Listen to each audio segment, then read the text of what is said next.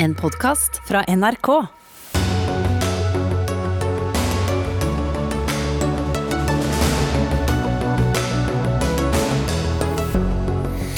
Ingen av de planlagte politiske markeringene under fotball-VM i Qatar i dag fant sted etter at Fotballforbundet truet med straff. Presidenten i Norges Fotballforbund ikke imponert. Bare 3% av norske bedrifter sier de er fornøyd med regjeringens næringslivspolitikk. Ville næringsminister og tidligere næringslivsleder Vestre vært blant de 3% om han ble spurt? Først ble de kastet ut av byrådet i Bergen. Nå vil MDG vrake hele byrådsmodellen. Og boliglånsrentene hos storbankene DNB og Nordea øker mer enn styringsrenten til Norges Bank. Umusikalsk, mener Forbrukerrådet. Det er skarp konkurranse mellom norske banker, ifølge Finans Norge. Ja, dette er Dagsnytt 18 mandag på NRK P2 og NRK 2. Jeg heter Espen Aas. Og i dag kunne vi altså sett den første kampen i VM i fotball i Qatar der politiske markeringer fant sted. Men det skjedde aldri under kampen mellom England og Iran. Sju VM-nasjoner planla å bruke regnbuefargede kapteinspinn men snudde etter trusler om sportslig straff fra Fifa, det internasjonale fotballforbundet. Forbundet får kritikk fra flere hold, og nå før sending ble det også kjent at det belgiske fotballandslaget må endre draktene sine fordi de inneholdt regnbuefarger og ordet kjærlighet noe som ikke er lov. Lise Klaveness, president i Norges Fotballforbund, med oss direkte fra Qatar. Du er dypt uenig i Fifas eh, beslutning. Eh, hva slags signal er det Fifa sender her? Ja, jeg er ikke bare dypt uenig i beslutningen, men vi var jo i møte i går i to timer langt møte og diskuterte dette med Fifa, med generalsekretær i Fifa og ledelsen i Fifa. Eh, poenget er at dette er en markering som ikke er en politisk markering. Dette er grunnleggende verdier som Fifa har eh, stått eh, Infantino ble valgt på de regnbuefargene. Er brukt i veldig mange uttrykk Fifa har brukt i mange andre sammenhenger. Vi er Eh, enige om at eh, dette ikke er politiske markeringer. Det har vært brukt i tre måneder av mange land, inkludert Norge, ikke bare VM-landene. og Man har sendt brev til Fifa for å gi beskjed om at dette hadde man ønske om å bruke. og Dagen før åpningskampen så så får eh, de landene som er kvalifisert å vite at det er helt uaktuelt å bruke Eh, disse kapteinspinnene. Og Det var en, eh, en, opplevelse av at det ble eh, ja, et veldig sånn lav, punkt, et bunnpunkt i dialogen med Fifa. Det var hardt mot hardt. Og de var tydelige på at de ville gå så langt som det trengtes for å unngå at disse kapteinspinnene ble brukt så er jo selve tildelingen til eh, Qatar eh, for tolv år tilbake også mye omdiskutert. Men når da dette blir beslutningen som tas så tett opp til eh, avspark, og så får vi da nyheten om de belgiske draktene nå for bare en halvtime siden, hvilket signal er det Det internasjonale fotballforbundet sender? Ja, Det med de belgiske draktene det er ikke verifisert. Jeg snakket eh, med generalsekretæren i belgiske forbundet nettopp, eller meldte med han, og han, eh, han bekreftet ikke det eh, ennå, i hvert fall. At det er realiteten at nektelsen er pga. regnbuefargen. Så vi hører hva, hva, som er fakta. Eh, nei, jeg tror det, vi er forbi litt dette med signaler. Jeg tror dette, det var en maktdemonstrasjon fra Fifa. Den kommer pga. det presset som har vært. Eh, og, men, men, vi var ganske tydelige i Uefa-gruppen på at det blir, dette er grunnleggende universelle verdier som ikke man ønsker å provosere med. Eh, og, og, og, selv om vi nå Ingen er tjent med å eskalere dette til, til noe som handler om andre ting enn de verdiene, men, men Uefa-land, inkludert Norge, ble dyttet veldig tilbake. og Da må vi stå eh, opp for disse verdiene og stå sammen, selvfølgelig. og, og det er det er på et bunnpunkt relasjon med, med, Fifa etter dette. Mm -hmm. Ja, Som du selv gjorde et poeng ut av. Dette har jo blitt gjort nå i månedsvis. og så akkurat eh, før eh, ballen skal, skal sparkes av sted, så, så, kommer altså dette. Men hva slags trykk og etterspill eh, kan du og andre være med på å sørge for her, da? Det må vi diskutere. Det er ikke sånn at jeg eh, driver et diktatur i Norge og kan beslutte det alene. Det er veldig viktig at eh, det er godt forankret selvfølgelig de, med de andre landene som nå skal eh, konkurrere. Men det må få et etterspill. Det var uakseptabelt. Altså at, at, Fifa bestemmer hvilke utstyr, drakter, eh, hva man får lov til å ha på i kampene, det er en selvfølge. Det, det, enhver konkurranseeier gjør det. Men dette har blitt, og man må ha kontroll på det eh, på en eller annen måte. Men dette har vært kommunisert i, i tre måneder. Det er ingen av Uefa-land som har ment dette som en politisk markering markering. Det har vært en samlende kampanje som òg kvinnelandslagene har brukt, eh, der man ønsket å gi et sterkt uttrykk for, eh, for dette med ikke-diskriminering, og bruke de fargene som, som skulle symbolisere eh, ja, one love, og at fotballen sto liksom fundert på det. Det var ikke ment som en politisk markering, og vi har oppført oss deretter. Det har vært kommunisert veldig mange ganger med Fifa. Så den motreaksjonen som kom fra Fifa, det var tydelig tegn på at nå var de lei, og ville markere veldig tydelig tilbake. Og, og, og, det kan man jo på en eller annen måte. Det, det, er mye å si om det, men til syvende og sist så, så må vi være trygge på at, våre, at, vi står opp for disse helt grunnleggende verdiene som Fifa er fundert på, og som Infantino òg ble valgt på. Mm. Takk til Lise Klavenes, president i Norges Fotballforbund, Jan Petter Saltvedt, sportskommentator her i NRK. Hva slags smak i munnen får man eh, etter dette her, da? Fifa-president eh, Gianni Infantino sa på på lørdag i sin eh, mye omtalte tale at han uh, følte seg uh, homofil. Det er åpenbart en kortvarig uh, Det gikk over? Det gikk veldig fort over. det er et helt åpenbart markeringsbehov på vegne av Fifa og arrangøren Qatar hvor eh, man eh, helt eh, åpenbart ønsker å vise hvem som styrer dette. Hvor lei man er av kritikken, og at det nå skal være slutt. De drar det veldig langt. Det er en form for maktdemonstrasjon. Så, altså, de kommer ikke med samme type trusler som kinesiske myndigheter gjorde under OL i Beijing. Men det kommer antydninger, og for lagene som spiller her, så er de mulige sportslige konsekvensene nok til å skape såpass mye usikkerhet at de finner ut de må gå tilbake på noe de inntil timer før de kunne tenke seg å bruke det, de var helt bestemt på å gjøre. Da fungerer dessverre den type retorikk. Alex eh, Scott, tidligere England-spiller, stilte opp på en BBC-sending fra Qatar med da dette One Love kapteinsbindet på. Det var jo riktignok ikke på banen, da, men eh, hva, hva risikerer hun? Hun eh, risikerer en veldig mengde anerkjennelse verden rundt for å tørre å trosse de, det pålegget som kommer fra Fifa og fra arrangørene. Det er litt synd at ingen av disse sju nasjonene tør eller vil eh, presse Fifa til å måtte eh, ta, eh, ta et standpunkt på hva de ville kommet med av sanksjoner. Det er ikke gitt at de hadde turt, når man ser på reaksjonene nå. Dette er jo et tidspunkt i VM hvor de har valgt å forlenge kontroverser ganske langt inn i sluttspillet. Og det er vel ingenting som tyder på at eh, det slutter her, ut fra det vi har sett til nå. Mm. Det man har sett i dag, var dog det iranske landslaget som lot være å synge med under nasjonalsangen før eh, kampen eh, mot England. Så ironi kan være ganske ironisk noen ganger. Det fungerer veldig godt i enkelte sammenhenger. Espen Gamlund, du er professor i filosofi ved Universitetet i Bergen, med fortid som gutte- og juniorspiller i, i, i, fotball. og I et innlegg i Dagens Næringsliv så skrev du at det for din del ikke ble aktuelt å se noe som helst av sendingene fra, fra Qatar.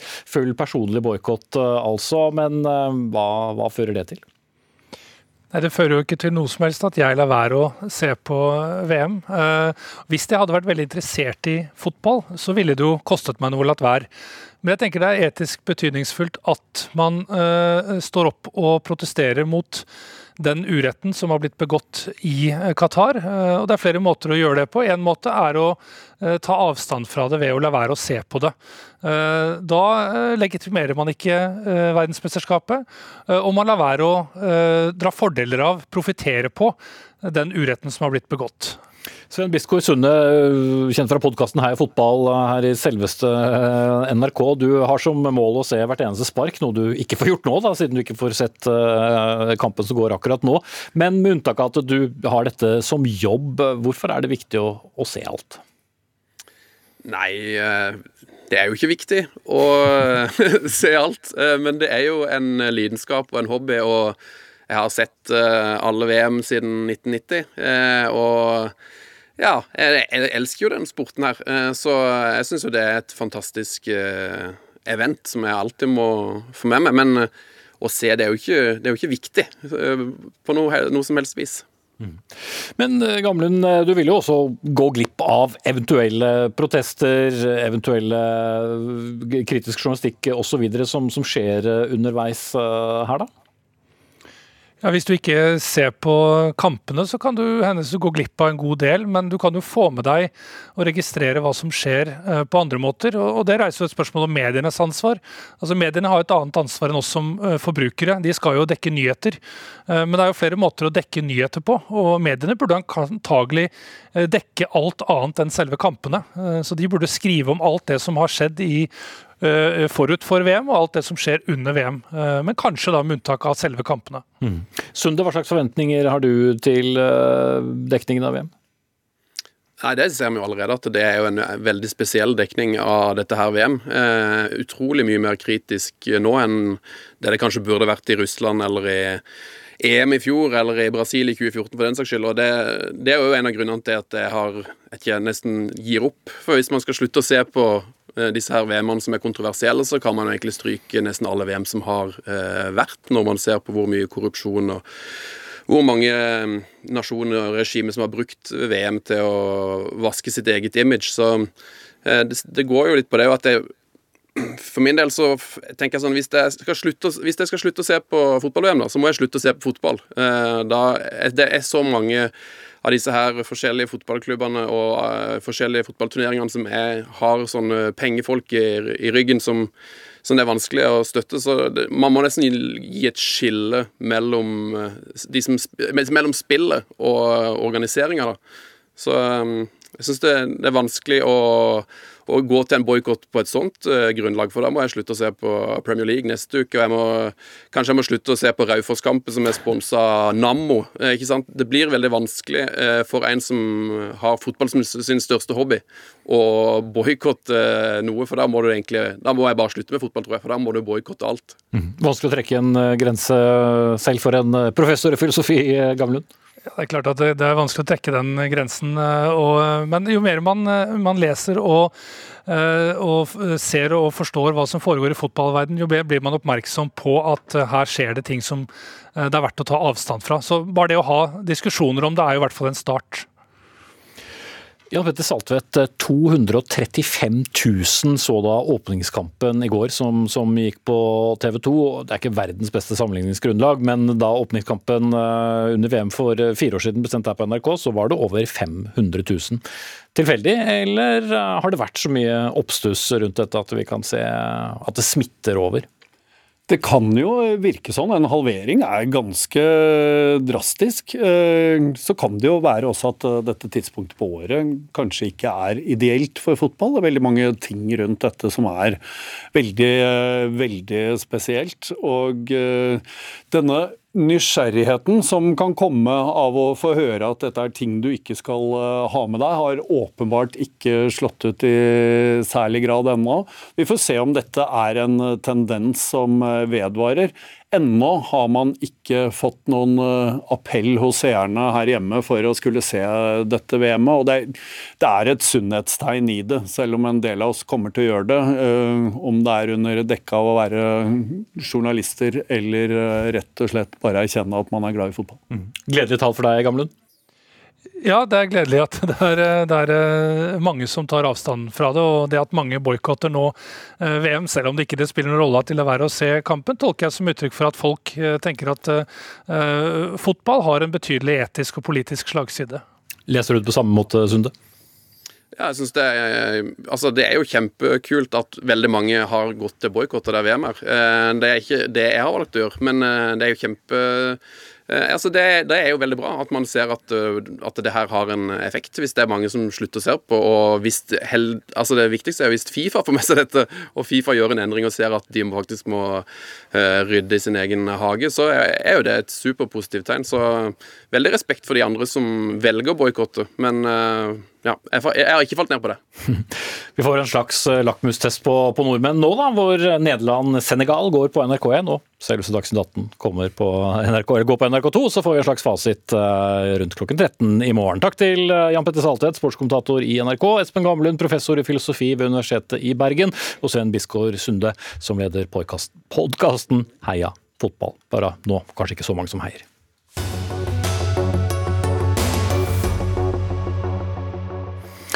Når eh, åtte av ti norske bedrifter i en meningsmåling sier den sittende regjering ikke tar hensyn til det, hvilken historie forteller det? Er det historien om en regjering som er næringslivsfiendtlig? Eller er det historien om et næringsliv som ikke tåler å måtte betale mer skatt? Det skal vi debattere nå, for på fredag kom undersøkelsen fortalte bl.a. denne historien. De spurte bedriftene tilhører paraplyene NHO, Virke, Finans Norge og Rederiforbundet. Og næringsminister Jan Christian Mistre fra Arbeiderpartiet, du ble jo selv hentet inn fra norsk næringsliv før du ble statsråd. Ville du vært blant de tre prosentene, tror du, som mente at eh, regjeringen eh, har en politikk som eh, tar hensyn til behovene deres? Ja, det hadde jeg kanskje vært. Men for spøk til alvor, så er dette en ærlig det var ikke spøk, jeg mente det helt alvorlig. Nei, men Jeg spøka litt med det, for vi må jo ta ting litt med godt humør òg. Men uh, det jeg skulle si, er at dette er en ærlig, usminket, reell tilbakemelding som regjeringen tar på aller største alvor.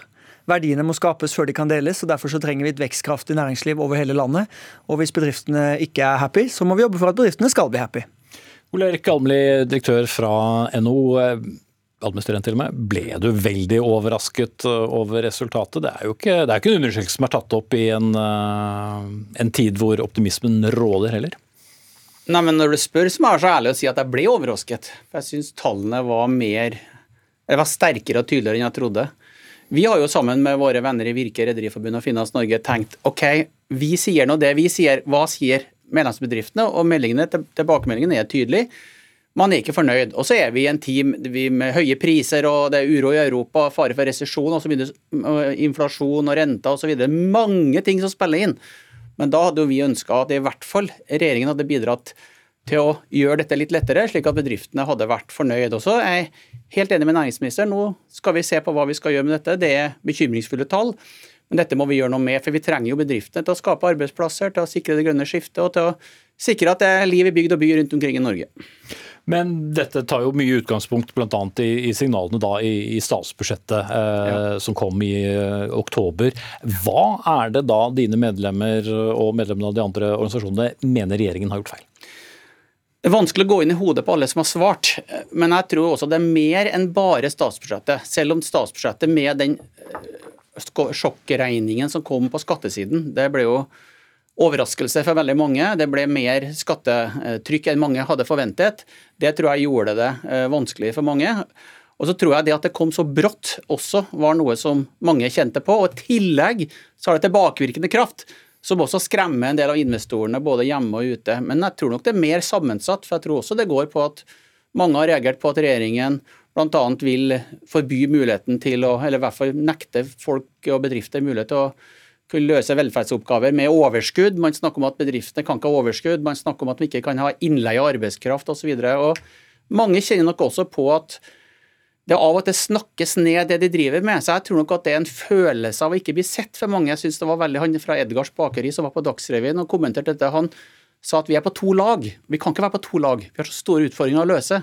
Og Da må vi finne ut hvordan vi skal løse dette sammen, slik at vi da kan få bedrifter som skaper arbeidsplasser og sikrer det grønne skiftet vi alle vil ha. Mm. Ja, Med de tallene, og så kan man selvfølgelig alltid argumentere med at det er mye annet som ligger der òg, med ny regjering eh, osv. Men kan du som næringsminister ha det sånn at bare 3% syns du har en eh, veldig god næringspolitikk? Nei da, men eh, vi skal snu de tallene, selvfølgelig. Og så håper jeg jo at alle kan bidra til litt edruelighet i debatten, også NHO. Jeg har veldig sans for veldig mye av det NHO gjør, men nå hører vi jo Ole Erik snakker om skattesjokk f.eks. Å bruke sånne begrep om et ansvarlig statsbudsjett bidrar jo til å også hause opp stemningen og kanskje skape større usikkerhet enn det er grunnlag for.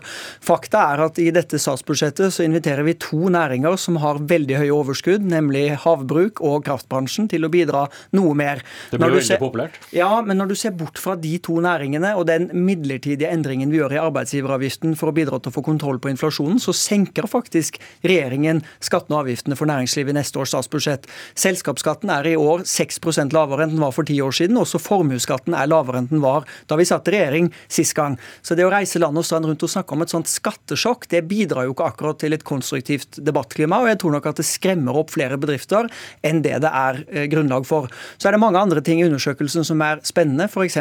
så sier 70% av bedriftene Jo, la oss bare ta dette sjokket ja, først. Anne. det. Ja. Nei, for jeg, her reagerer jeg på det næringsministeren sier. For det første så er det sånn at Når det er midlertidige skatter, så skal altså de betales. Så skattene som er skissert, de skal betales. Man kan ikke si til folk flest at det kommer til å få mer av Rutem i 2023, for du, hvis vi ser bort fra matprisen og høyere rente osv. Den skatten som er der, den skal betales. Den regninga kommer uansett. Det er det ene. Det andre at det at andre har senka formuesskatten, andre regjeringer har senka selskapsskatten, tror jeg vi ikke kan ta til inntekt for denne regjeringen. Og det tredje jeg må si, er at formuesskatt økes. Utbytteskatt økes. Arbeidsgiveravgiften økes. Og så har du fått kraftbeskatning og havbruksbeskatning. I sum så snakker vi om 43-45 milliarder i skatteskjerpelse. Og kjære næringsminister, det skal jo betales. Så uansett, så, så vær litt ærlig og oppriktig på det vi har på bordet. Ja, det tror jeg er lurt, altså. Ja, men eh, det er vi jo. Og La oss ta disse to eksemplene, da. Det er riktig det at vi øker skattene for havbruk med 3,6 3,8 milliarder grunnrente. Men dette er en næring som i fjor hadde et overskudd på 12 milliarder. Det er også riktig at eh, skattene og avgiftene til kraftbransjen øker med om lag 30 milliarder. Hadde i fjor en grunnrente på 60 milliarder kroner, SSB-tall. Det innebærer at vi kan holde selskapsskatten uendret for alle landets 500 000-600 000 små, mellomstore og store bedrifter, samtidig som vi kan redusere oljepengebruken med 18 milliarder for å få kontroll på inflasjonen.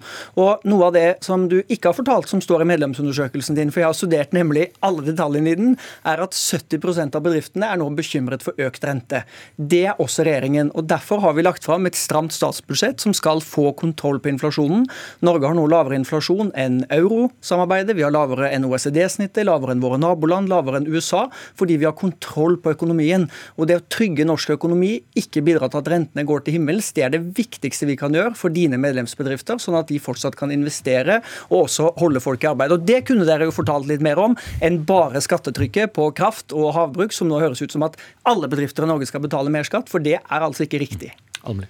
Men eierne skal betale mer skatt, for at formuesskatten øker og utbytteskatten. Men hvis vi ser litt bort ifra det, da, legger litt til side, så tror jeg vi skal være ærlige med oss selv og se at det som kom av skattetrykk i eh, 28.12. og uka etterpå i statsbudsjettet, det var også et sjokk. Kall det hva du vil, kall det hva du vil. Men det var også et sjokk for veldig mange investorer. Så vi har jo investor etter investor ute i verden som kommer og spør oss nå, og sier, nå er det større politisk risiko ved å investere i Norge. Det er dårlig nytt. Vi har jo behov for å ha utenlandske investorer og nasjonale investorer til å investere i vindkraft, havvind, vi skal ha mer havbruk, vi skal ha mer grønt skifte. og Da trenger vi de investorene, så vi kan ikke skremme de bort ved å si at i Norge så kan du få skatt med tilbakevirkende kraft over natta. Det er ikke godt nytt. så Om ikke annet, om vi kunne ha gått ut av studio kjære Jan Christian, og sagt at skatt skal i hvert fall ikke ha tilbakevirkende kraft noe mer. Det hadde vært en, en liten start. Kom svarer du til. Ja, altså Det siste gjør man jo av og til for å unngå skattetilpasning. da, Akkurat når det gjaldt tilbakevirkningen på kraftselskapene, så var det jo også for å unngå at de overproduserte, som igjen ville kunne gå utover forsyningssikkerheten. Så vi har jo en tanke med det vi gjør. Men jeg tar igjen avstand fra dette begrepet sjokk, for det er ikke et sjokk. Og jeg opplever at bedriftene har investeringsvilje. Det ser vi også i undersøkelsen. Vi har helt ferske tall fra det regionale nettverket til Norges Bank som snakker med bedriftene. og Der sier faktisk bedriftene at de ser for seg en liten økning i investeringene til neste år. Men alt det Ole Erik, fordrer jo at vi har kontroll på renta. fordi hvis den skyter i været og kommer tilbake på de nivåene vi hadde på begynnelsen av 2000-tallet, så vil vi altså sende en renteregning til norske bedrifter på 90 milliarder kroner i året. Det er et rentesjokk, og da kan vi begynne å snakke om Ja, permitteringer. det høres jo snart ut som en eh. Dagbladet-forside her, med alle sjokkene. ja, men, men det er det vi prøver å unngå, og det hadde vært også fint hvis kunne komme litt mer fram i denne debatten. Og så tar vi til oss innspillene. Vi kan helt sikkert gjøre ting bedre og annerledes. Når det gjelder havbruk, er det sendt på høring, så der lytter vi gjerne. Okay. Vi har allerede justert kraftbeskatningen på kraftselskapene, og så får vi ta det derifra. Men vi skal lykkes med å skape og dele verdier i Norge. Sier vi det slik. Eh, Næringsminister Jan Christian Vestre fra Arbeiderpartiet og Ole Erik Almrid, administrerende direktør i NHO.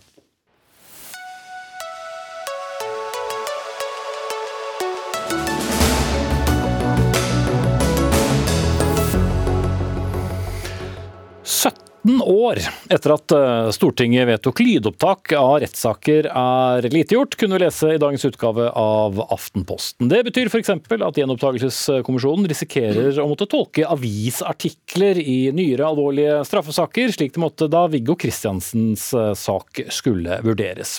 Uten lyddokumentasjon er det dessuten eh, lett å anke saker, og så tilpasse forklaringer i lagretten, fordi ingen vet helt nøyaktig hva tiltalte sa sist. Og Jon Wesselås, leder av Advokatforeningen, eh, er det en fare for rettssikkerheten at ikke vi har opptak av saker i retten? Ja, det er det. Uansett? Nei, jeg vil ikke si uansett. Eh, vi har jo nå levd eh, inntil nå med stort sett ikke opptak. Jeg tror ikke det begås justismord ved, eller justisfeil i alle rettssaker, men, men er, eh, da er det på tross av og ikke fordi vi ikke har lydopptak. Og altså, Stortinget, uten noe dissenser, mente jo selv også det. Det er jo som du sier selv, det er 17 år siden man etter at eh, kravene kom fra dommer og andre, så ble det jo vedtatt. Så det står jo egentlig i loven om hvordan rettssaker skal foregå, at det skal gjøres lydopptak av parter og vitners forklaringer. Og så tok de med seg en liten unntaksbestemmelse den gangen, for da var det jo ikke på plass ennå at eh, det gjaldt ikke hvis det var umulig fordi man manglet utstyr. Men det er altså 17 år siden. manglet mye utstyr i alle de 17 årene, med andre ord? Ja. Vi eh, henvendte oss til Justisdepartementet og spurte om de kunne delta. Det kunne de ikke, i hvert fall ikke den politiske ledelsen. Men eh, Maria Aasen, du er første nestleder i justiskomiteen og sitter på Stortinget for eh, Arbeiderpartiet, eller fra Arbeiderpartiet. Hva skyldes denne sendrektigheten ved å klare å sette ut et stortingsvedtak fra 2005 i livet? Jeg tror ikke jeg kan svare for alt uh, som er uh, feil og som har skjedd uh, hele veien der, sånn, men at det har skjedd for lite for seint, det kan jeg være helt enig med Jon Wessel og Advokatforeninga i. Så er det sånn at Opptak i retten det medfører noen komplikasjoner knyttet, og utfordringer knytta til bl.a. lagring, gjenbruk, innsyn osv. Derfor så har jo DA tatt et initiativ til å ha noen prøveprosjekter gående rundt i noen utvalgte domstoler. Altså Domstolsadministrasjonen, tipper jeg da, denne forkortelsen din? Ja, ja. unnskyld. ja, Domstolsadministrasjonen har tatt initiativ på det. og Eh, det er nå gjennomført prøveprosjekt med lydopptak under rettsforhandlingene ved en del eh, rettssaler i landet. og Sluttrapporten fra dette prosjektet forventes å ligge klar rundt årsskiftet. Og Da har jeg fått eh, beskjed at regjeringa ønsker å gå i gang med å se på hvilke tiltak man kan ta når dette ligger klart og vi har mer kunnskap om hvordan vi møter de forskjellige utfordringene. Men jeg er helt enig med Advokatforeninga. Det har tatt for lang tid, og det har skjedd for lite. Veslås? Jeg har jo forståelse for at uh, hun ikke kan svare for alle de 17 årene, og for så vidt at det er litt vanskelig å svare for. Uh, prøveprosjekter, altså vi, igjen, det er 17 år siden. Um, og det er altså ikke Vi har innsynsregler i dag. Innsyn i dommer, innsyn i dokumenter fra saker. Vi har regler om det, også, for dette står jo i loven. Altså Det har vi allerede. Så her er det bare teknikk, og det er ikke noe vanskelig å finne ut av hvordan du skal lagre et lydopptak. Mikrofoner har vi i alle rettssaler. Vi snakker i mikrofoner, sånn at dommeren hører oss og partene hører advokatene. Så det er jo bare om å gjøre å få Jeg skal ikke bare flåsete, men, eh, men eh, i, i, prinsippet kan du gå på Claes Olsson og kjøpe en ganske billig liten duppeditt som du kobler til de mikrofonene, så har du opptaket. Og selvfølgelig skal det gjøres på en bedre måte. Men det er jo ingenting av dette som forsvarer at det har gått 17 år. Men har dere jo, presset på ja, dere som er i retten gjennom alle disse årene? Absolutt. Vi har gjort det, og dommerne har gjort det. Og, og så er det jo, det må jeg si, vi erfarer jo at det er kanskje ikke den store velgermagneten før folk ser med justisfeil, som i disse nye sakene, hva det kan forårsake av problemer. Eh, så da er kanskje ikke politikerne like opptatt av det. Fordi domstolene er jo underfinansiert generelt her i landet. Rettspleien vår er underfinansiert. Eh, det ser ut som det er fint på papiret, men det går jo på rettssikkerheten løs. Og det rare er Rettssikkerhet burde jo være noe man var villig til å betale for i utgangspunktet. Skulle du var leder av Advokatforeningen? Men det andre ja, Vi har jo ikke noen egeninteresser i dette her. Eh, dette her vil jo også ganske snart eh, hjelpe oss med innsparinger. For det er jo helt klart at å behandle en anke hvor du kan høre hva vitnene sa i første instans, istedenfor at de må komme og forklare seg igjen, og ikke minst saker hvor man i dag som part kan spekulere i at jeg anker, for da kan jeg endre forklaringen min litt. For jeg så at den passet ikke, det gikk ikke så godt i tingretten. Så er det ingen som kan ta deg på å si at du sa noe annet i tingretten, for det er ingen dokumentasjon på det. Mm. Sånn at vi sparer disse pengene også veldig fort inn, hvis man er opptatt av det. Og det burde vel være et eh, enkelt argument, Aasen?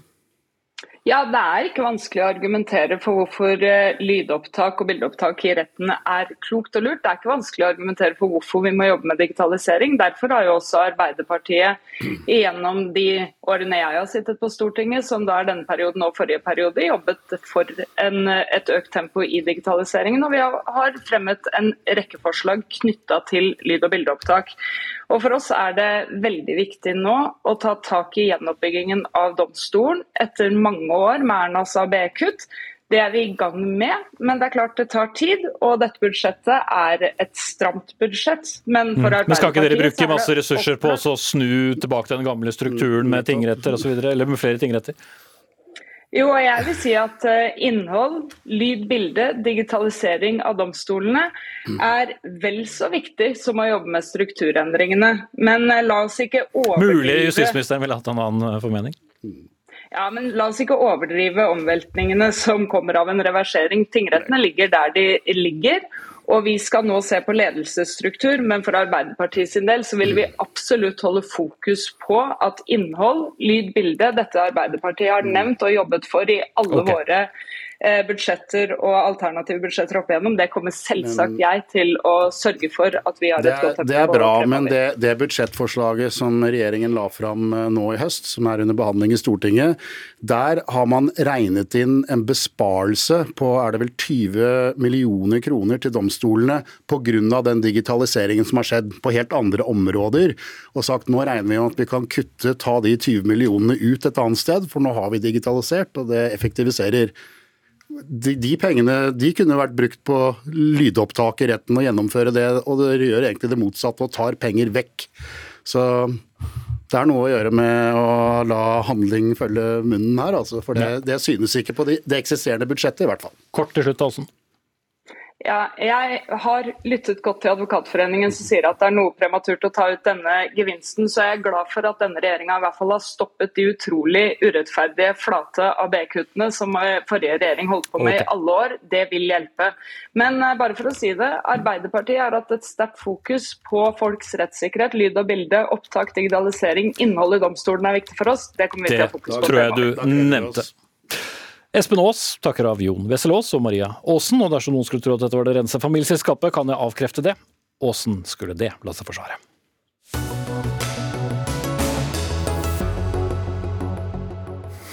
Men det skal handle mer om regjering og budsjett, for Fremskrittspartiet mener regjeringens politikk svekker landets og folks økonomi. En kronikk i Dagens Næringsliv før helgen skriver Frp-leder Sylvi Listhaug at regjeringen er mer opptatt av å gjøre staten rikere og folk og næringslivs fattigere. Og som en konsekvens mener du at velferdssamfunnet står for fall, Sylvi Listhaug. Store ord, hva er sammenhengen? Nei, det er jo det at vi ser en regjering som overhodet ikke ser på privat næringsliv eh, som et eh, viktig satsingsområde. At vi har stabile rammevilkår. Og i Norge så har vi uansett hvilken regjering som er styrt, så har Norge vært sett på som et forutsigbart eh, land å investere i. Det hører vi jo nå at det ikke er tilfellet lenger. Vi hører om bedriftseiere som er usikre på framtida pga. det skattesjokket som regjeringa har sendt eh, til bedriftene. Det var jo en debatt tidligere ja, også som bekrefter ikke gjenta den, da. Men eh, Frode Jacobsen, stortingsrepresentant fra Arbeiderpartiet. Mer penger til, til staten gjennom f.eks. skatteøkninger til, til bedriftene den andre veien? Ja, Den historia som uh, Syvi Listhaug forteller i den kronikken, er jo feil. og Det er mange, mange ting å peke på der for å, å vise det. Uh, for det første så er jo ikke et offentlig eierskap uh, et problem i seg sjøl. Eh, det er, eh, det er, viktig at vi har en stat som også eh, er med, å, er med å, skape verdier i Norge. Altså, hadde vi ikke hatt staten, så hadde vi ikke fått den oljeutviklinga vi har i Norge. Vi hadde ikke hatt vannkrafta på samme måte, vi hadde ikke hatt telefoni og strøm og infrastruktur på samme måte. Så det andre er jo at Frp gjør det de alltid gjør. De peker på offentlig eierskap og offentlig som en utgift. Det er det jo selvfølgelig ikke.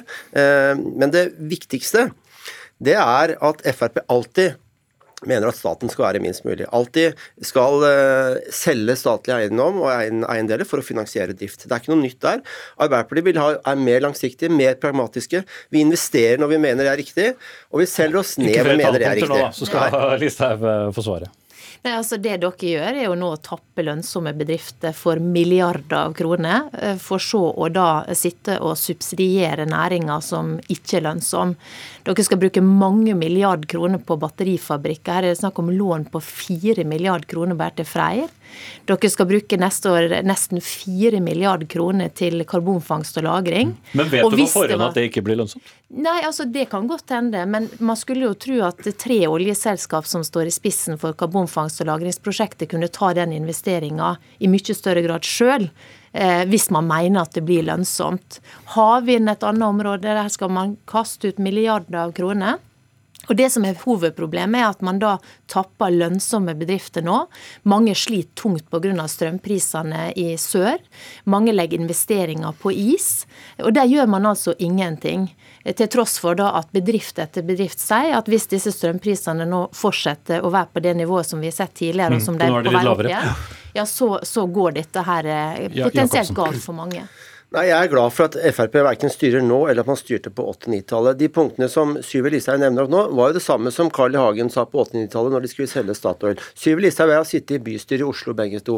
Eh, Frp foreslår gang på gang å selge kraftselskapet Hafslund, som gir Oslo kommune inntekter hvert år til å finansiere velferd for folk i denne byen. Dere solgte dere jo ned i Telenor og gamle Statoil. Ja, men Det viser at vi har en pragmatisk holdning til det. Vi, vi, vi, er, vi, bruker staten som strategisk eier når det er riktig.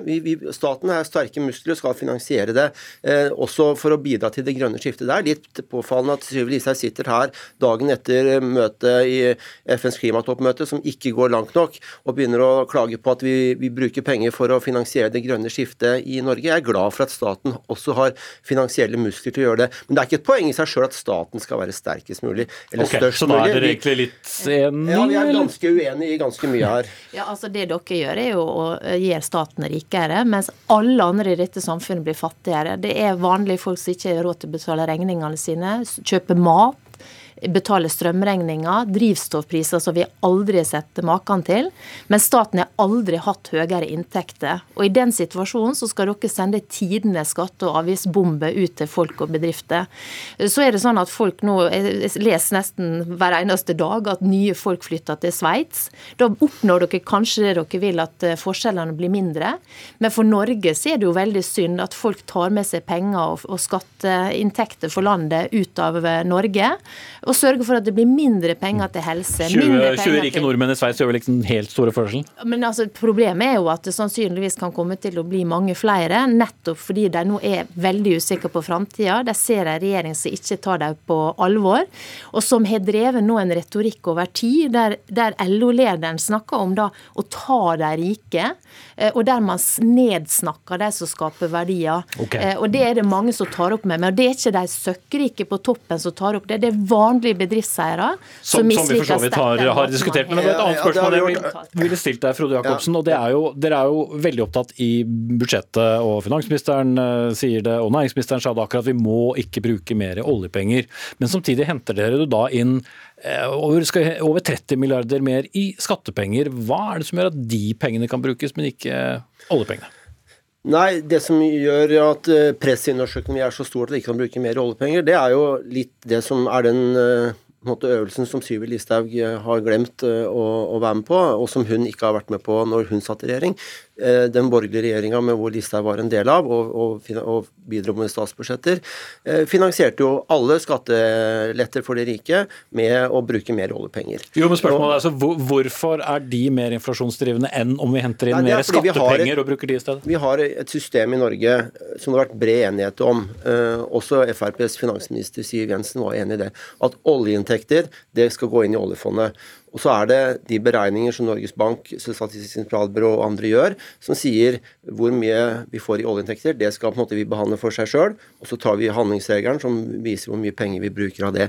Og så har vi brukt mye oljepenger, det er riktig å bruke oljepenger, men vi må bruke mindre oljepenger. Nå har vi en krise, en internasjonal situasjon, som vi er nødt til å bruke mindre penger. Vi kan finansiere mm. Men vi bruker i stedet da skattepenger. Men de utgiftene vi får, med strømstøtte som følge av krigen og andre utgifter, er vi nødt til å finansiere enten med å øke skattene eller redusere offentlige utgifter. Den øvelsen som Sylvi Listhaug ønsker seg, det er å bruke mer oljepenger. Det er det ingen som anbefaler, unntatt Sylvi Listhaug, og derfor kan vi ikke gjøre det. Vi kommer ikke til å bruke mer oljepenger, men vi kutter der det er riktig å kutte. Vi mener det er feil å bruke over 40 milliard kroner i bistandsmidler. Vi mener det er feil å opp oppløse fylkeskommuner og lage flere av dem. Vi burde lagt ned hele greia. Vi mener det er feil å sende milliardvis av kroner ut til symbolske klimatiltak, til investeringer som strengt tatt det private næringslivet kan ta sjøl, hvis de mener det blir lønnsomt. Jeg kan fortsette og fortsette. Problemet ditt er at det dere prioriterer, det er å gjøre staten rikere. Det er å eh, fortsatt ha en stor offentlig sektor, mens de som da skaper verdier, sørger for at vi har råd til å ha gode skoler, til å ha helsevesen, til å ha sykehjemstjeneste som er Okay, er... finansiert av fellesskapet. De eh, straffer dere. Og hvis dette fortsetter framover, ja, så kommer vi til å ha et stort problem. Vi er vel, er vel rundt der, og så jeg er sikker på at du ville replisert med at offentlig sektor også økte under den eh, forrige regjeringen i åtte år. Men i hvert fall de som lurer på hvordan eh, Fremskrittspartiet skal finansiere eh, Norge, kan jo se frem til deres alternative budsjett som kommer senere denne uken. Takk til Sylvi Listhaug, leder av Frp, og stortingsrepresentant Frode Jacobsen fra Arbeiderpartiet.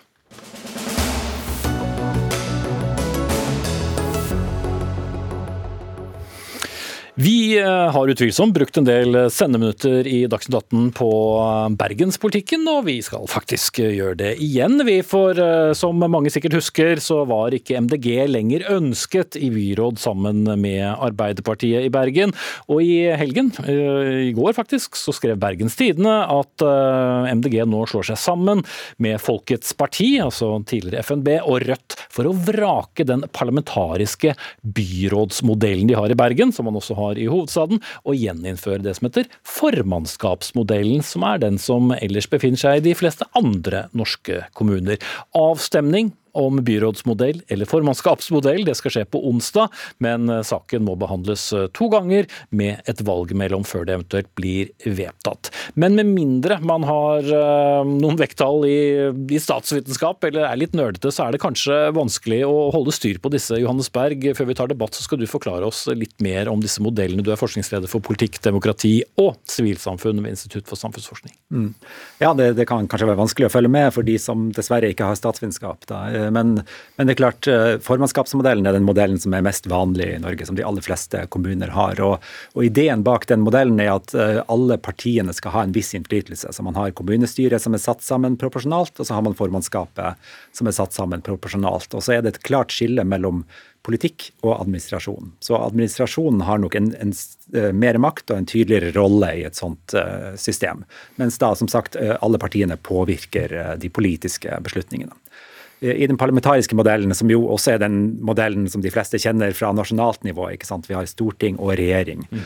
Så, så ja, En byregjering kaller man jo ofte denne, denne modellen for, da. Nettopp. nettopp. Og, og da, Byregjeringen er da eh, ansvarlig for administrasjonen, så det er en tydeligere politisk styring av administrasjonen eh, i de kommunene. Og, eh, og, og regjeringen, byregjeringen da, eller byrådet, Eh, springer ut av bystyret. Sånn at de, eh, de er ansvarlige overfor eh, bystyret i, i kommunen og, og, sitter på deres nåde, så å si. Så dermed får du en mye tydeligere Eh, skille mellom posisjon og opposisjon. Altså de som sitter med makten og de som er i opposisjon.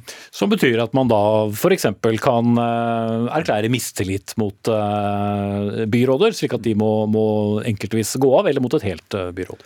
Det kan man. Og, de, de, som sitter med makten, de, de, har makt inntil de blir kastet, så å si. Og dermed kan det også være frustrerende å sitte i opposisjon, for da har man lite innflytelse over politikken i kommunen. Men sett fra velgernes ståsted, så er det jo også bidrar til en form for klarhet. Man vet hvem som har ansvaret for politikken.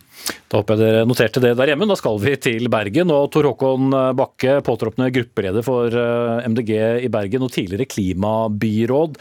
Hva mm, har man på tjene å skryte, skrote snarere denne byrådsmodellen hos dere? Nei, altså Miljøpartiet De Grønne er jo nå da gått i opposisjon. og Det betyr jo at vi eh, fremmer vårt eh, lokale program i bystyret. så Det er derfor vi har gått fra det, det ene til det andre. Mens når vi var med i byråd, så styrte vi selvfølgelig på en, på en fremforhandlet eh, byrådsplattform. Altså jeg tenker at Poenget med lokaldemokratiet er at velgerne skal være representert best mulig. og Da er det viktig at, at innflytelsen til partiene gjenspeiles i de folkevalgte organene. Men som forskeren akkurat var innom her, så er jo det sånn at i en parlamentarisk modell så har byrådet, eller byregjeringen, veldig mye makt uh, til å f.eks. trenere prosesser, fremme saker, den type ting. Mens i en formannskapsmodell så vil jo partiene være jevnere representert. Mm. Er det sånn at du likte den bedre da du selv var byråd? Nei, Dette er jo avhengig av håndverket eh, til de byrådene som styrer. For det er veldig gode argumenter både for parlamentarismen og for formannskapet. Men det som har skjedd nå, og som er blitt et tilleggsargument for formannskapsmodell i Bergen, er jo at vi har hatt et byråd som har gått på, som har under en fjerdedel av representantene i bystyret bak seg. Og det blir jo en vanvittig skjevfordeling, f.eks. da av de mulighetene man har til å drive med politikk. F.eks. Arbeiderpartiet har 15 fulltidsansatte til å holde på med politikk nå, mens Miljøpartiet De Grønne har én. Mens uh, Miljøpartiet De Grønne fikk jo 10 i valget, og Arbeiderpartiet 20 Mens Venstre, f.eks., som er et parti som fikk under 4% av, av stemmene i Bergen, har jo seks fulltidsansatte, mens da igjen MDG har én. Ja, Rekk opp hånda som klarte å følge med på det. Jeg tror heller jeg skal gi ordet til Linn sidemann Per Arne Larsen, for du er da finansbyråd uh, i, i, byregjeringen i, i, Bergen fra nettopp partiet Venstre. Dere har hatt den formannskapsmodellen da siden var det, 2001. Uh, hvorfor bør man ikke gå bort fra den. Det har jo utvilsomt vært litt eh, tumulter eh, i bergenspolitikken. Ja, Du mener at vi har hatt byrådsmodell og parlamentarisme siden 2001, eh, og jeg syns den har vært vellykket. Og Vi støtter en parlamentarisk modell fordi at vi mener den absolutt er mest demokratisk. Og jeg syns jo Johannes Berg her nevnte de gode argumentene for, for parlamentarismen når han hadde sin, sin intro til temaet her i begynnelsen. Vi opplever det gir økt politisk styring, eh, klarere linjer. Det er velgerne som velger politikerne, og da mener vi at det er politikerne skal styre. Og Det beste eksempelet jeg kan ha som finansbyråd, er jo nettopp eh, hvordan vi styrer den lange budsjettprosessen sammenlignet med i formannskapsmodellen. Men den har vel noen utfordringer òg, ikke minst nå som dere styrer da som eh, et mindretall. Og for så vidt har gjort det før, da, men nå med færre partier? Altså, det å styre mindretall har jo sine utfordringer uavhengig av eh, styringsmodell. Eh, så det er helt riktig. Og Bystyret i Bergen er sammensatt eh, med elleve partier og en rekke uavhengige. og Det i seg selv er jo en relativt uoversiktlig situasjon, som jeg ikke tror blir bedre av å avskaffe parlamentarismen. Tvert imot. Jeg opplever jo at vi som nå danner byråd med Arbeiderpartiet og Venstre, som to partier som hører til relativt i midten av den politiske skalaen skal være godt egnet til å finne gode løsninger når vi kommer til bystyret. Så Vi skal levere gode saker, og så må vi ha lave skuldre for at det er i bystyret fortsatt makten sitter. Eh, og så skal vi, vi jobbe deretter.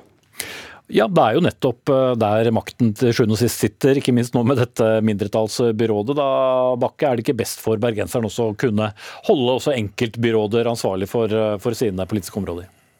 Absolutt. Og så er ikke det historikken i Bergen som tilsier at, eh, at, byrådet nødvendigvis går av eh, når man får mistillit eh, mot seg. Men poenget mitt med å gå gjennom alle disse tallistene er nemlig at lokaldemokratiet skal være representativt for å representere velgernes interesser. Og når man da har negativ parlamentarisme, altså et byråd sitter til de eventuelt blir felt, og et byråd da samtidig gjør et poeng av at det færrest mulig av partiene i bystyret skal være representert i byrådet, så tar jo man da makt og myndighet og legitimitet vekk fra det som eh, innbyggerne ønsket når de satte sammen et bystyre. Eh, så når du da har et, et byråd, da, eh, som, og de gjorde jo for så vidt det tydelig når de også gikk på, at de egentlig ikke hadde lyst til å styre, det var mer av pliktfølelse og sånn lidelse, lidelseshistorie. De ikke ønsker å ha andre partier med seg til å samarbeide i byråd. Det mener jo jeg egentlig er udemokratisk. Mens det som du f.eks. har sett med statsminister Solberg, var jo at hun gjorde sitt fremste for å ha flest mulig partier med seg i regjering. Mens i Bergen har vi da motsatt situasjon. Ja, Man har jo prøvd litt av hvert, for så vidt, men eh, Larsen, eh, blir det, blir det så demokratisk?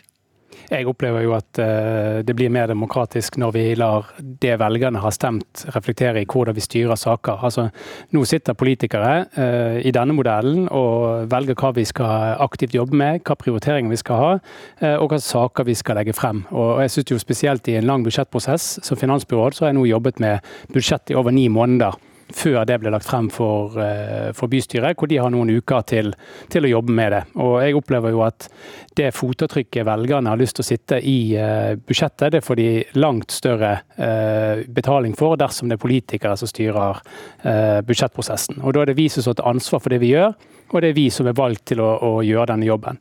Som Johannes Berg sa innledningsvis, så gir formannskapsmodellen langt større makt til, eh, til, administrasjonen, og det er egentlig det vi ikke ønsker. Vi ønsker at når vi er valgt på et eh, program, så skal vi eh, styre etter det programmet og ta ansvar for det programmet til syvende og sist. Men, men, men, situasjonen er at de er ikke valgt på et program.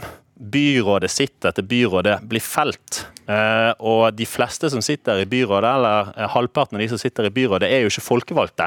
Og de fleste av de som jobber i byrådsapparatet, de aller, aller fleste, er heller ikke folkevalgte.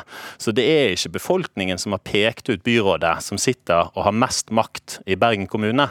Uh, så man kan absolutt si at det er mer demokratisk at velgerne faktisk setter sammen et bystyre som har mest innflytelse, i motsetning til at velgerne utpeker et bystyre, og så går de på, som har minst sannsynlighet for å bli felt. som er det som er det som skjer i dag. da. Og jeg tror jo at det er mye av dette som er grunnen til at Bergen er et slags sånn sort får blant norske kommuner, og at til stadighet havner også på Nytt på Nytt.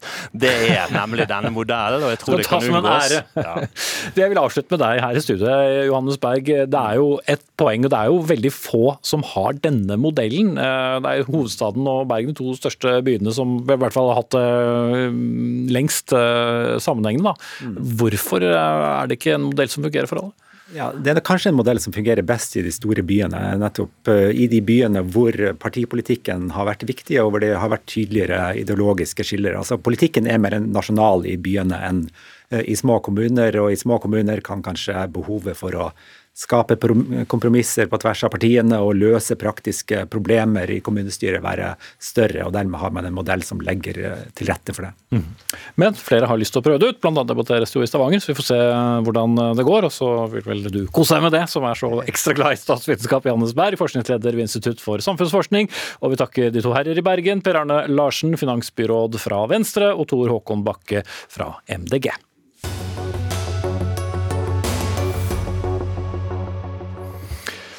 To av Norges største banker, de to største eh, bankene, har eh, økt prisen på boliglån mer enn det Norges Bank har økt sin styringsrente siden i fjor høst, kunne vi lese i Dagens Næringsliv i dag.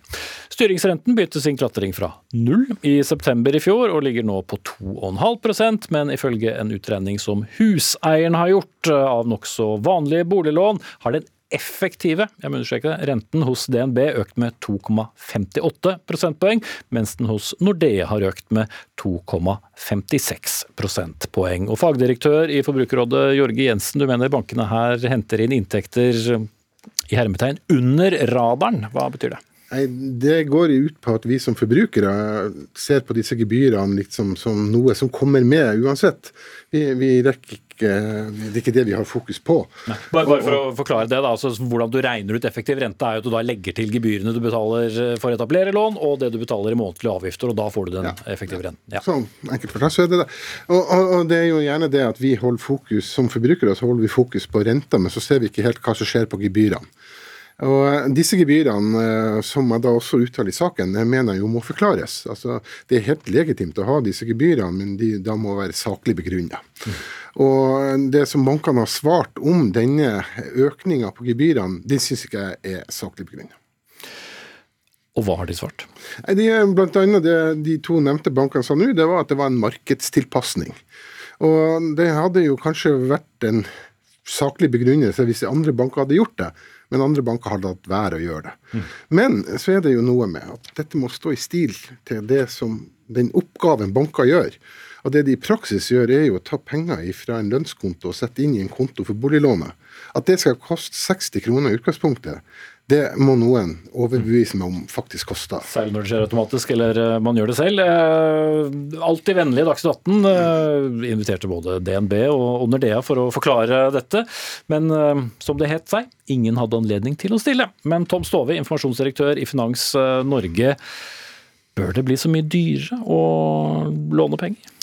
Uh, ta, bare ta et par ting. Dette må jo settes inn i perspektiv. Jeg så litt på den saken som du henviste til ideen. og Der er det jo sånn at eh, de to bankene vel som satt opp etableringsgebyret, lå jo i prismessig langt under de andre. Så dette markedstilpasningen er jo godt mulig at det handler om konkurranseforhold og marked. Det skal ikke jeg legge meg opp i. Men det er ikke forbudt å ha lave gebyrer? Nei, nei, det, for all del. Det er ikke forbudt å ha lave gebyrer. Og så har jeg sett litt på, eller prøvd å forstå det regnestykket. altså fordi at uh, Vi kjenner oss ikke helt igjen i det regnestykket som noen har presentert i dag. Når jeg ser på disse tallene, så har altså uh, snittet av bankene satt opp Eh, rentene mindre enn renteøkningen eh, skulle tilsi. Og så er det sant, den store debatten. altså Nå skjer det fryktelig mye. Det er veldig mye dynamikk. Eh, Norges Bank øker rentene ganske hurtig. Så i den perioden vi er i nå, så tror jeg det er vanskelig å, å se et tydelig bilde før støvet har lagt seg litt. Eh, og Da kan man lage mye rare regnestykker opp og ned og frem og tilbake. ikke sant? Jeg har nettopp vært i dette studioet og diskutert økningen av innskuddsrentene som henger litt etter. Men jeg har, lyst til å, jeg bare lyst til å si, ikke sant? for det vi alltid, det dette koker ned til, er jo spørsmålet tjener bankene for mye penger? Er overskuddene i norske banker for høye? Det er vel litt sånn hvor lang er en stav? Ja, jeg kan bare si, jeg, eh, bare, Veldig kort. Eh, Norges Bank, eh, En analytiker i Norges Bank laget en analyse på dette som han la ut da i, i torsdag i forrige uke. Og Da stiller han spørsmålet tjener norske banker for mye penger. Og så svarer han på det, sier samlet sett tyder ikke indikatorene på at norske banker tjener for mye penger. Dette er en veldig god analyse som jeg anbefaler alle å gå inn og lese. Pass, passet det ditt uh, narrativ, sier uh, Jensen? Nei, Det er ikke Fra Forbrukerrådets ståsted så, så er det ikke bankenes inntjening som er problemet. Det er utgiftene til, som forbrukere har. Uh, og det er, Vi ser jo med prisstigninga som har skjedd uh, innenfor boliglån, så har jo prisstigninga vært på 50% uh, mens vanlige markeder stiger med rundt 7,5 sånn cirka. Mm. Men fra et ikke-eksisterende nivå, da? Ja, da, ja. men det er blitt vesentlig mye dyrere. Forbrukere sliter med å betale regninga de målingene vi gjør, er jo, som andre også gjør, det er jo 12% som Eh, må ei regning eller et avdrag til lån gå til forfall. Så, så folk har fått dårligere råd. Det er vårt utgangspunkt. Det er forbrukerproblemet som vi jobber med. Men, men bankene skal vel ikke heller ikke sponse eh, det at eh, Nei, jeg mener, jo at de, fakt, jeg mener jo i hvert fall når det gjelder gebyrene, så er jo det helt rettmessig å ta seg betalt for arbeid som de utfører, og kostnader de har med det. Men jeg har fortsatt til gode å finne noen som forklarer meg og sier at ja, å flytte disse pengene fra en konto til en annen, det koster 60 kroner for oss. Det må jeg få. Mm. Eller 720 i året. Står vi. Ja, eh, og, og, jeg er jo helt enig med Forbrukerrådet i at eh, det er veldig mange mennesker nå som kommer til å møte trangere tider, fordi at særlig rentene stiger. Eh, og Bankene er veldig oppmerksomme på dette og står klare til å hjelpe kundene sine som havner i, i ulike problemer. Men akkurat når det gjelder liksom den konkurransesituasjonen i det norske bankmarkedet, så er det litt opp til forbrukerne å utnytte den harde konkurransen som faktisk er i det norske bankmarkedet. Og det er altså sånn at Norge er det landet hvor det er enklest i hele verden å konkurranseutsette lånet sitt. Vi har laget sammen med det offentlige en tjeneste som heter samtykkebasert lånesøknad. Der kan du i løpet av ti minutter, ved å krysse av for at du gir banken en fullmakt til å sjekke dine økonomiske forhold i offentlige etater, så kan du få et tilbud på lån akkurat tilpasset din økonomi. Og Det er det veldig enkelt å sammenligne med det lånet du allerede har. Men vi er så, så vi har, tro mot uh, våre banker. Er at vi har lagt til grunn for ja, at det skal være god konkurranse, vi, og den er vi, vi, vi, er nok det fortsatt. Samtidig så ser vi at det er en bevegelse på gang. Eh, når vi måler dette blant forbrukere, så er det én av fem som tar kontakt med banken sin for enten å reforhandle vilkår eller å bytte bank. Den andelen der eh, det er viktig å ikke stå utafor. fordi det er veldig lite som kommer gratis her eh, i din relasjon til banken. Så hvis ikke du er en av de 20% som driver på og tar aktiv kontakt med banken, ja, så kan du være sikker på at du kommer dårligere ut. Mm. Og Hadde man vært enda litt mer aktiv, så er det ikke sikkert at banker hadde markedstilpasset gebyrene sine på samme måte, eller? Nei, men altså, jeg, jeg tror meg altså, det er hard konkurranse. Og, og, og jeg bare sier bankene har lagt til rette for at den konkurransen skal være hard. Så bankene har på mange måter gjort sin del av jobben.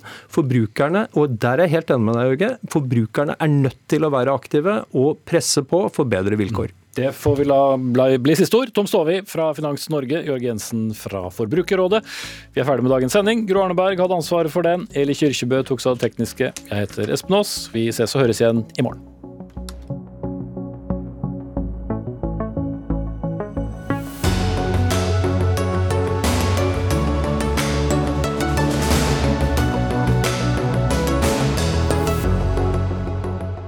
Du har hørt en podkast fra NRK.